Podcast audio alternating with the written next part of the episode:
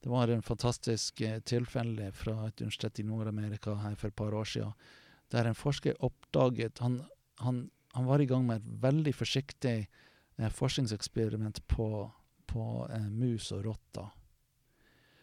Og så så han eh, at etter hvert så skjønte han at de oppførte seg forskjellig i forskjellige situasjoner, men han klarte ikke å skjønne hva, hva de forskjellige situasjonene var. Og etter gjentatte forsøk så skjønte han at mannlige forskningsassistenter stressa disse rotta på en måte som kvinnelige forskningsassistenter ikke gjorde. Og det ga helt feilaktige resultater, eller resultater som var påvirka av skjønnet til forskningsassistenten, og dermed ga dårlige resultater som de egentlig ikke kunne jobbe med. Men så sier han alt annet av medisinsk forskning har dette problemet også. Men vi ikke, når vi ikke har visst om det, så har vi ikke kunnet kontrollere for det. Så det er, det er eh, fagfelt etter fagfelt etter fagfelt der manglende bevissthet rundt helt elementære biologiske forskjeller gir skjeve resultater som egentlig da ikke leverer på det som det skal levere på. Det sa Kurt Rice. Han er rektor på Oslo OsloMet og leder av Komité for kjønnsbalanse og mangfold i forskning. Mitt navn er Arne Krumsvik.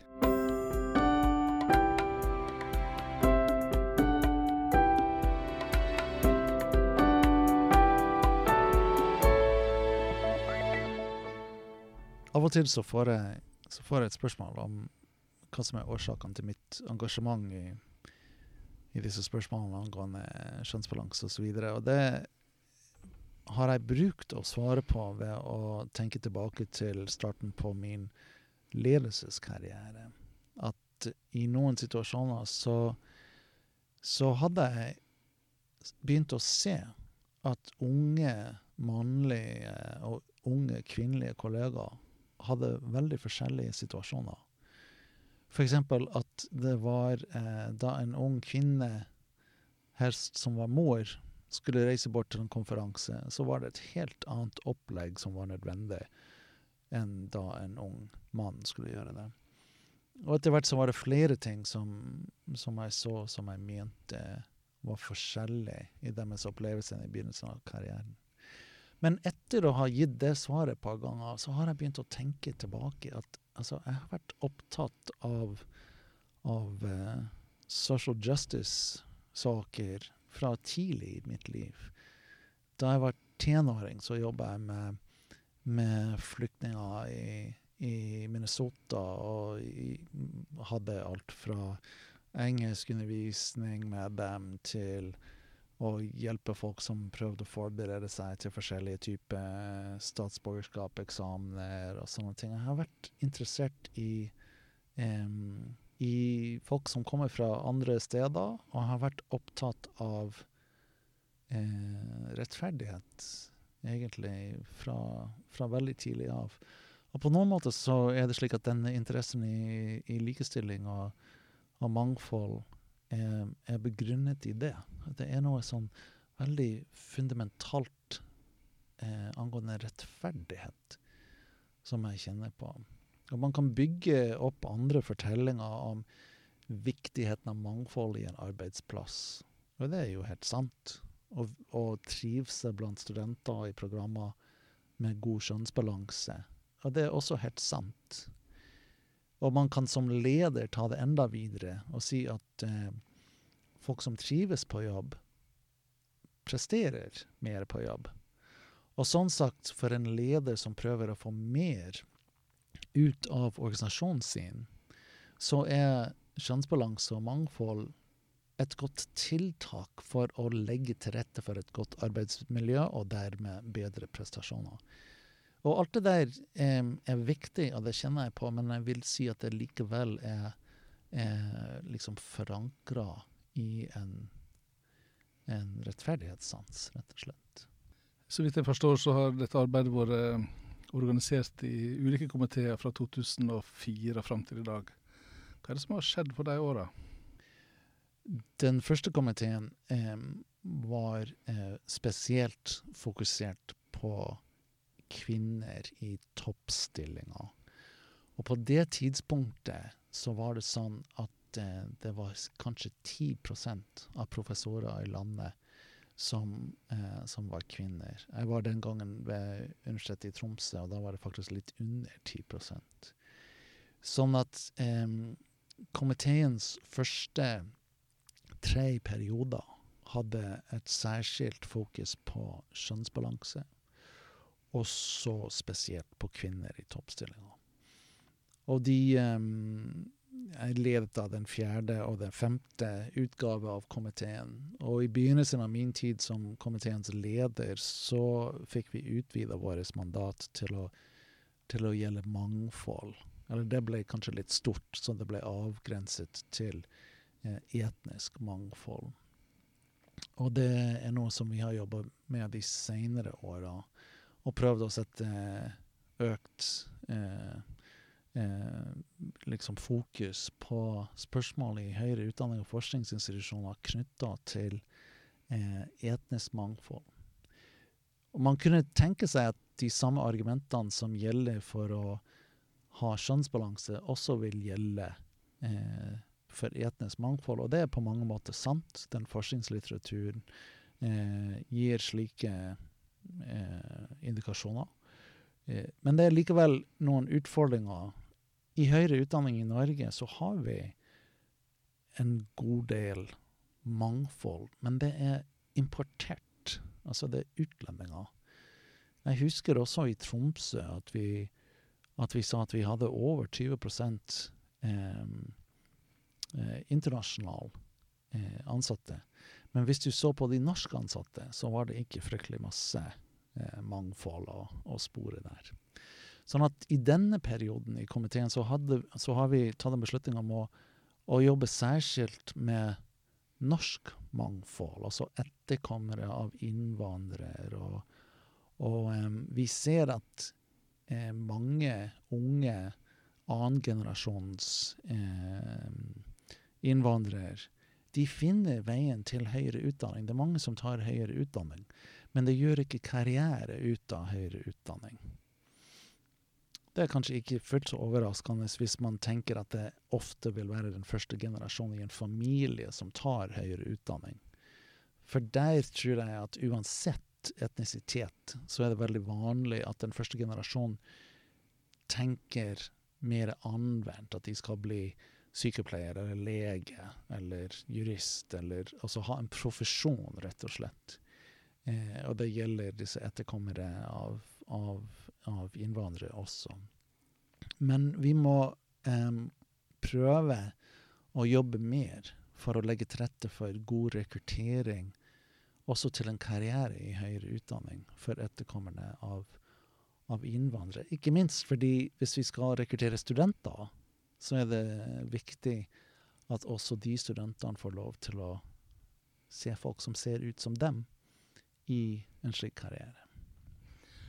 Hva slags tiltak er det som, som virker da, for å få mm. gjort noe med dette? Yeah. Vi, vi, vet mye mer om tiltak knytta til rekruttering av kvinner. Um, enn med etnisk mangfold. Um, det er jo eh, masse forskjellige ting som prøves. Så vi er mange institusjoner som driver med særskilt rekruttering av kvinner til teknologifagene, f.eks. Og det har vi holdt på med en god stund.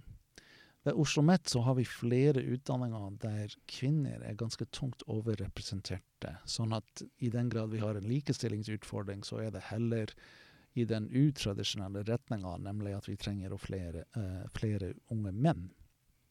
Og det har vi også jobba med på, på lignende uh, måter, f.eks. rekruttering av menn både til um, um, lærerutdanning og sykepleierutdanning, der vi um, har sånne rekrutteringsdager der vi inviterer gutter i, på videregående til å komme og være med en dag og lære mer om dem.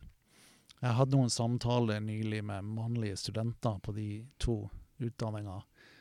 Og det var en av, eh, en av de unge, unge mannfolka på sykepleierutdanning som sa til meg at vet du hva, liksom Tradisjonelt så sier vi at det er kvinner som liker å jobbe med mennesker, og menn som liker å jobbe med, med duppedingser.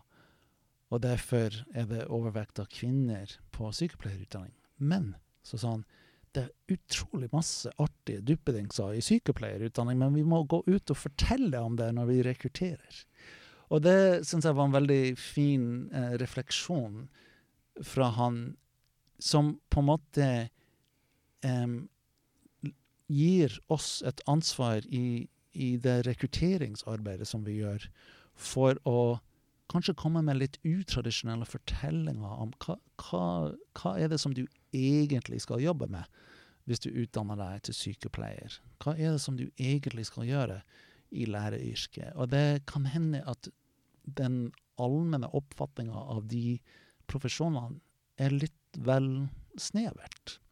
Og um, da tenker vi på det i rekrutteringsøyemed. Um, når det gjelder kvinner i toppstillinger, i professorstillinger og sånt, der ser vi at uh, alt av prosesser som er eh, gjennomsiktige, transparente prosesser, og eh, der det er jo helt opplagt hva slags regler som gjelder, det tjener kvinner. Um, og det uformelle, nettverksbaserte tjener menn. Så det arbeidet som, som vi kan prøve å bidra til, blant annet, er å f.eks. gjøre reglene som gjelder for opprykk, helt eksplisitte. Men det, det, er vanskelig, for da må noen bli enige om hva de reglene er. Og det er ikke bare enkelt. Eh, men eh, muligheten til å vite hva det er som man må oppnå for å så kunne søke, er jo, eh, er jo et, viktig, et, viktig, tiltak når det gjelder opprykk. Det er også sånn at um, altså, helt enkle ting som f.eks. personlig tilbakemelding gjør en forskjell. Å si, hvis man er instituttleder, å si til sine ansatte, både kvinner og menn, at du, jeg lurer på om ikke du snart er klar til å søke opprykk. Det kan være veldig viktig for mange, og noen ganger så er det mer viktig for kvinnelige kollegaer enn mannlige kollegaer. Det er jo selvfølgelig helt personlige forskjeller der, men vi, eh, vi så en gang i et prosjekt som jeg hadde ved Universitetet i Tromsø, at kvinner venta bra mye lenger enn menn når det gjaldt å søke opprykk. Og den lille oppmuntringa kunne gjøre en forskjell der. Når det gjelder um, forskninga, hva, hva, hva, er det som er utfallet der når, det, når vi har uh, litt lite mangfold og, litt mm. mye mannfolk? Ja, altså um, vi får stadig bedre forståelse av viktigheten for å ha kjønnsperspektiver inn i forskningsspørsmål. Det er noen helt sånn klassiske tilfeller, f.eks. For forskning på eh, hjerteinfarkt.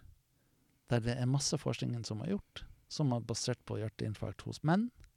Og så viser det seg at kvinner har andre symptomer. Sånn at vi ikke har vært like flinke til å hjelpe kvinner til å vite når de holder på med å få hjerteinfarkt. Og det skjer kanskje fordi man tror at eh, forskjellen mellom menn og kvinner ligger ikke i hjertet og hjertets funksjon. Hadde det vært annerledes hvis det var flere kvinner i de forskningsgruppene? Det er jo vanskelig å si. Men det kunne vært annerledes hvis det var en høyere bevissthet rundt det at biologiske forskjeller mellom menn og kvinner er jo mer enn bare de helt eh, fundamentale tingene. Eller i, i um, i ingeniøryrket. Det er f.eks. sikkerhetstiltak, setebelter f.eks., som er, som er utformet med utgangspunkt i forskning på menn og kroppen til menn. Og som viser seg å ha ganske tragiske negative effekter på kvinner. I USA så er det slik at den høyeste eh, andel av Hvordan sier du det på norsk? Accidental, accidental in utero dødsfall er pga. setebelter som går tvers over magen, Og hvis det blir eh, bilulykke, så, så skjer det at den, eh, at den babyen dør. Så det er jo en hel del forskning i ingeniørfaget som er knytta til personlig sikkerhet, som har bare glemt å ta høyde for forskjellen mellom menn og kvinner. Så på mange forskjellige fagfelter så er det nødvendig at forskning har et skjønnsperspektiv, fordi resultatene som brukes på mennesker, må gjenspeile de faktiske forskjellene der. Og der har vi kommet, vi har kommet til kort, rett og slett. Forskning i biologi som, som har tenkt å munne ut i, i nye medisiner, f.eks. Det var en fantastisk eh, tilfelle fra et universitet i Nord-Amerika her for et par år siden, der en forsker oppdaget han, han, han var i gang med et veldig forsiktig eh, forskningseksperiment på, på eh, mus og rotter. Og så så han eh, at etter hvert så skjønte han at de oppførte seg forskjellig i forskjellige situasjoner, men han klarte ikke å skjønne hva, hva de forskjellige situasjonene var. Og etter gjentatte forsøk så skjønte han at mannlige forskningsassistenter stressa disse rotter på en måte som kvinnelige forskningsassistenter ikke gjorde. Og det ga helt feilaktige resultater, eller resultater som var påvirka av skjønnet til forskningsassistenten, og dermed ga dårlige resultater som de egentlig ikke kunne jobbe med. Men så sier han alt annet av medisinsk forskning har dette problemet også. Men vi ikke, når vi ikke har visst om det, så har vi ikke kunnet kontrollere for det. Så det er, det er eh, fagfelt etter fagfelt etter fagfelt der manglende bevissthet rundt helt elementære biologiske forskjeller gir skjeve resultater som egentlig da ikke leverer på det som det skal levere på. Så en av de tingene som vi prøver å gjøre i, i KIF-komiteen, i Komiteen for kjønnsbalanse og mangfold i forskning, er også å bidra til økt bevissthet rundt viktigheten av kjønnsperspektiver og mangfoldsperspektiver i utforming av forskningsprosjekter. Eh, I dag snakker vi mye om eh, kunstig intelligens og maskinlæring og den type ting. Mm. Er de kjønnsnøytrale? Det er et veldig spennende spørsmål. Kunstig intelligens er jo um, Du kan si at det er veldig avanserte algoritmer som skrives. Og det er fullt mulig å skrive kjønnsnøytrale algoritmer. Men når du skal bruke den kunstig intelligensen til å gjøre noe, så må du lære den opp på et datasett. Og hvis, det, hvis den databasen er jo basert på menneskelig funn, så vil det være sånn at den kunstige intelligenssystemet læres opp til å til å eh, gjenta de samme skjeve vurderinger som mennesker gjør. Så for eksempel eh, et kjent tilfelle er eh, fra Amazon, som må sortere 1800 000 jobbsøknader hvert år. Og så tenkte de at det hadde vært veldig eh, fint å kunne ha et kunstig intelligenssystem til å hjelpe dem med å sortere de søknadene. Så de skrev algoritmer, og de lærte dem opp ved å kjøre gjennom titusenvis av tidligere søknader med resultatene. Men så er det den pussige situasjonen at 90% av de ansatte der er menn. Og måten den algoritmen da skjønner at han skal reprodusere de menneskelige resultatene, er at hvis det står på den søknaden at det er en kvinne som søker, så er det et minus.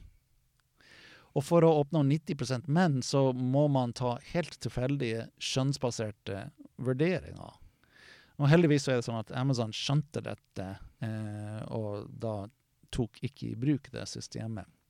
Men hvis vi lærer opp kunstig intelligens på databaser som er satt sammen av mennesker, og hvis vi ikke skjønner at det er sannsynlig at den databasen gjenspeiler menneskelig eh, avvik, så vil vi få kunstig intelligenssystemer som bare gjør det samme som mennesker. Så noen, noen ganger så tenker vi at, at uh, det ultimate man kunne forestille seg med en robot eller med kunstig intelligens, er at den ikke kan skilles fra et menneske. Men egentlig så bør vi forvente mer. Vi bør forvente at Eller vi bør tenke at kunstig intelligens er kanskje endelig den muligheten vi har til å oppnå objektivitet.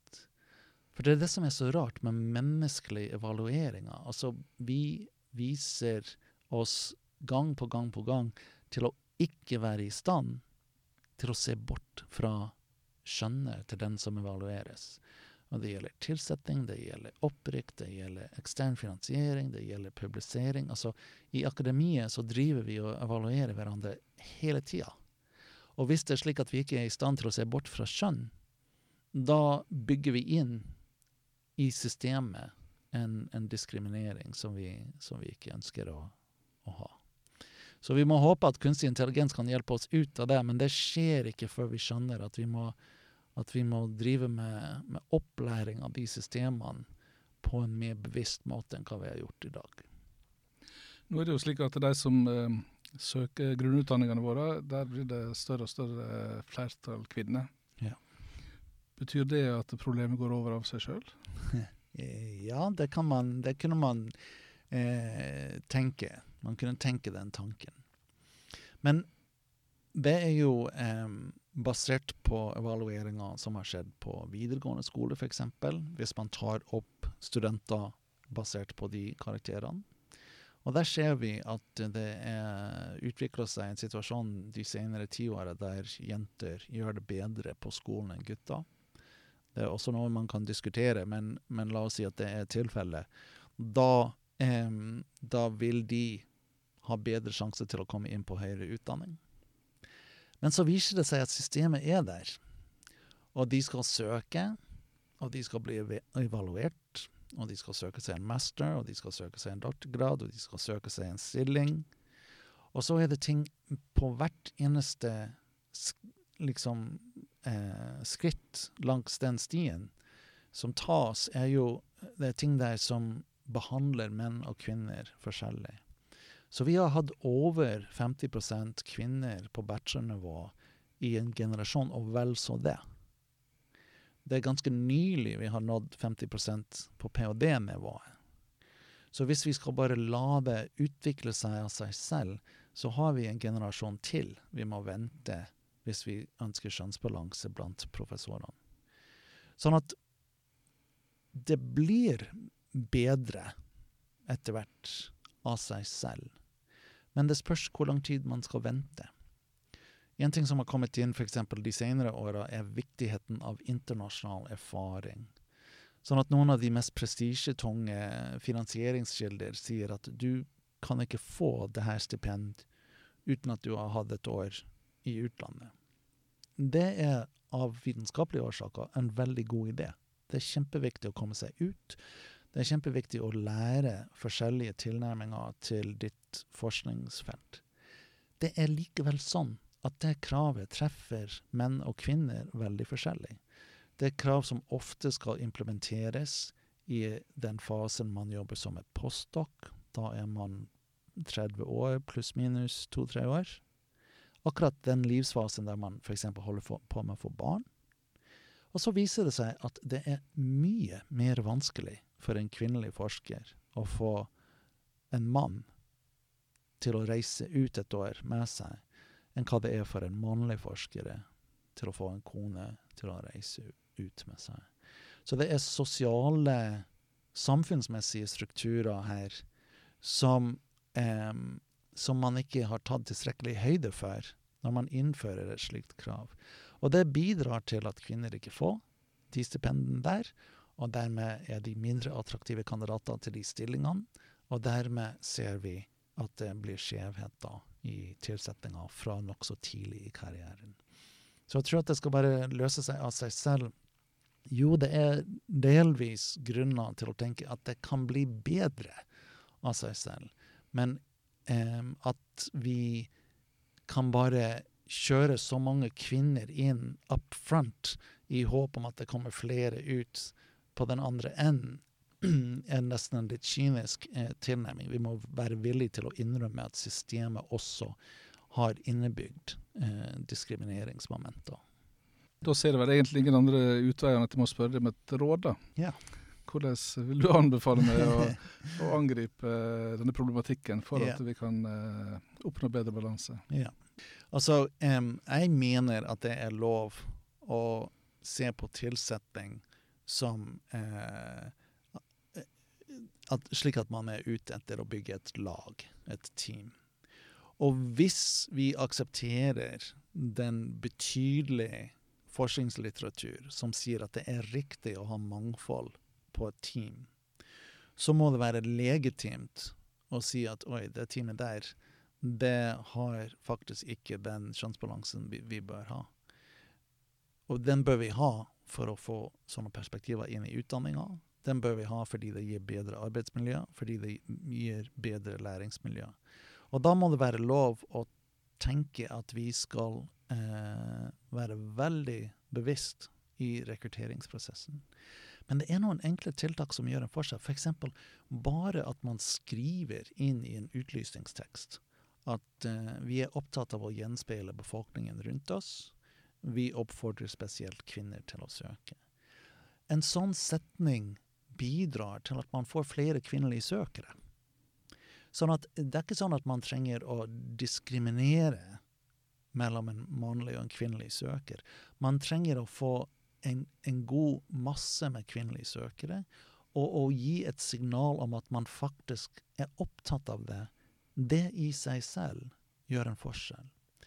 Så en ting som jeg vil anbefale, er at man sier det. At man sier i sine utlysningstekst vi er opptatt av å gjenspeile samfunnet rundt oss, og vi ønsker dermed både kvinnelige søkere, vi ønsker søkere med minoritetsbakgrunn. Em, og, og så i sorteringsprosessene prøve å la, la den lista med folk man skal intervjue, og gjenspeile i hvert fall søkermasse. søkermassen. Det er jo viktig. En annen ting som er viktig, er å anerkjenne eh, den eh, det faktumet at selv om Norge er et nokså likestilt land sammenlignet med andre, så er det likevel sånn at vi er ikke særlig likestilt hjemme. Det er bare sånn at kvinner har mye mer ansvar hjemme enn hva menn har. Og da må man anerkjenne det ved å ikke ha møte klokken fire når noen må springe og hente ungene, ved å eh, være forsiktig med hva man eh, bestiller av reisevirksomhet fra de ansatte, og ta høyde for at eh, det er jo en skjev fordeling av ansvar. Man må være veldig forsiktig med tildeling av eh, oppgaver på jobb. Det sies ofte at kvinner ikke bare får mer husarbeid hjemme, de får akademisk husarbeid. Hvis noen må steppe inn fordi en kollega er syk, så er det så ofte sånn at det er lettere å spørre en kvinne å gjøre det. Hvis man skal rigge til et møte, hvis det bare går av seg selv, så er det kvinnfolka som stepper inn og rigger det. Så- man må ha en bevissthet rundt tildeling av arbeidsoppgaver eh, også. Eh, og det er jo kanskje bevisstheten som er det sentrale i det hele. At man spør seg selv reagerer jeg på den tilbakemeldingen annerledes fra hun enn jeg hadde gjort fra han. Og bevisstheten eh, tror jeg faktisk kan ta oss et godt stykke videre. Det tror jeg.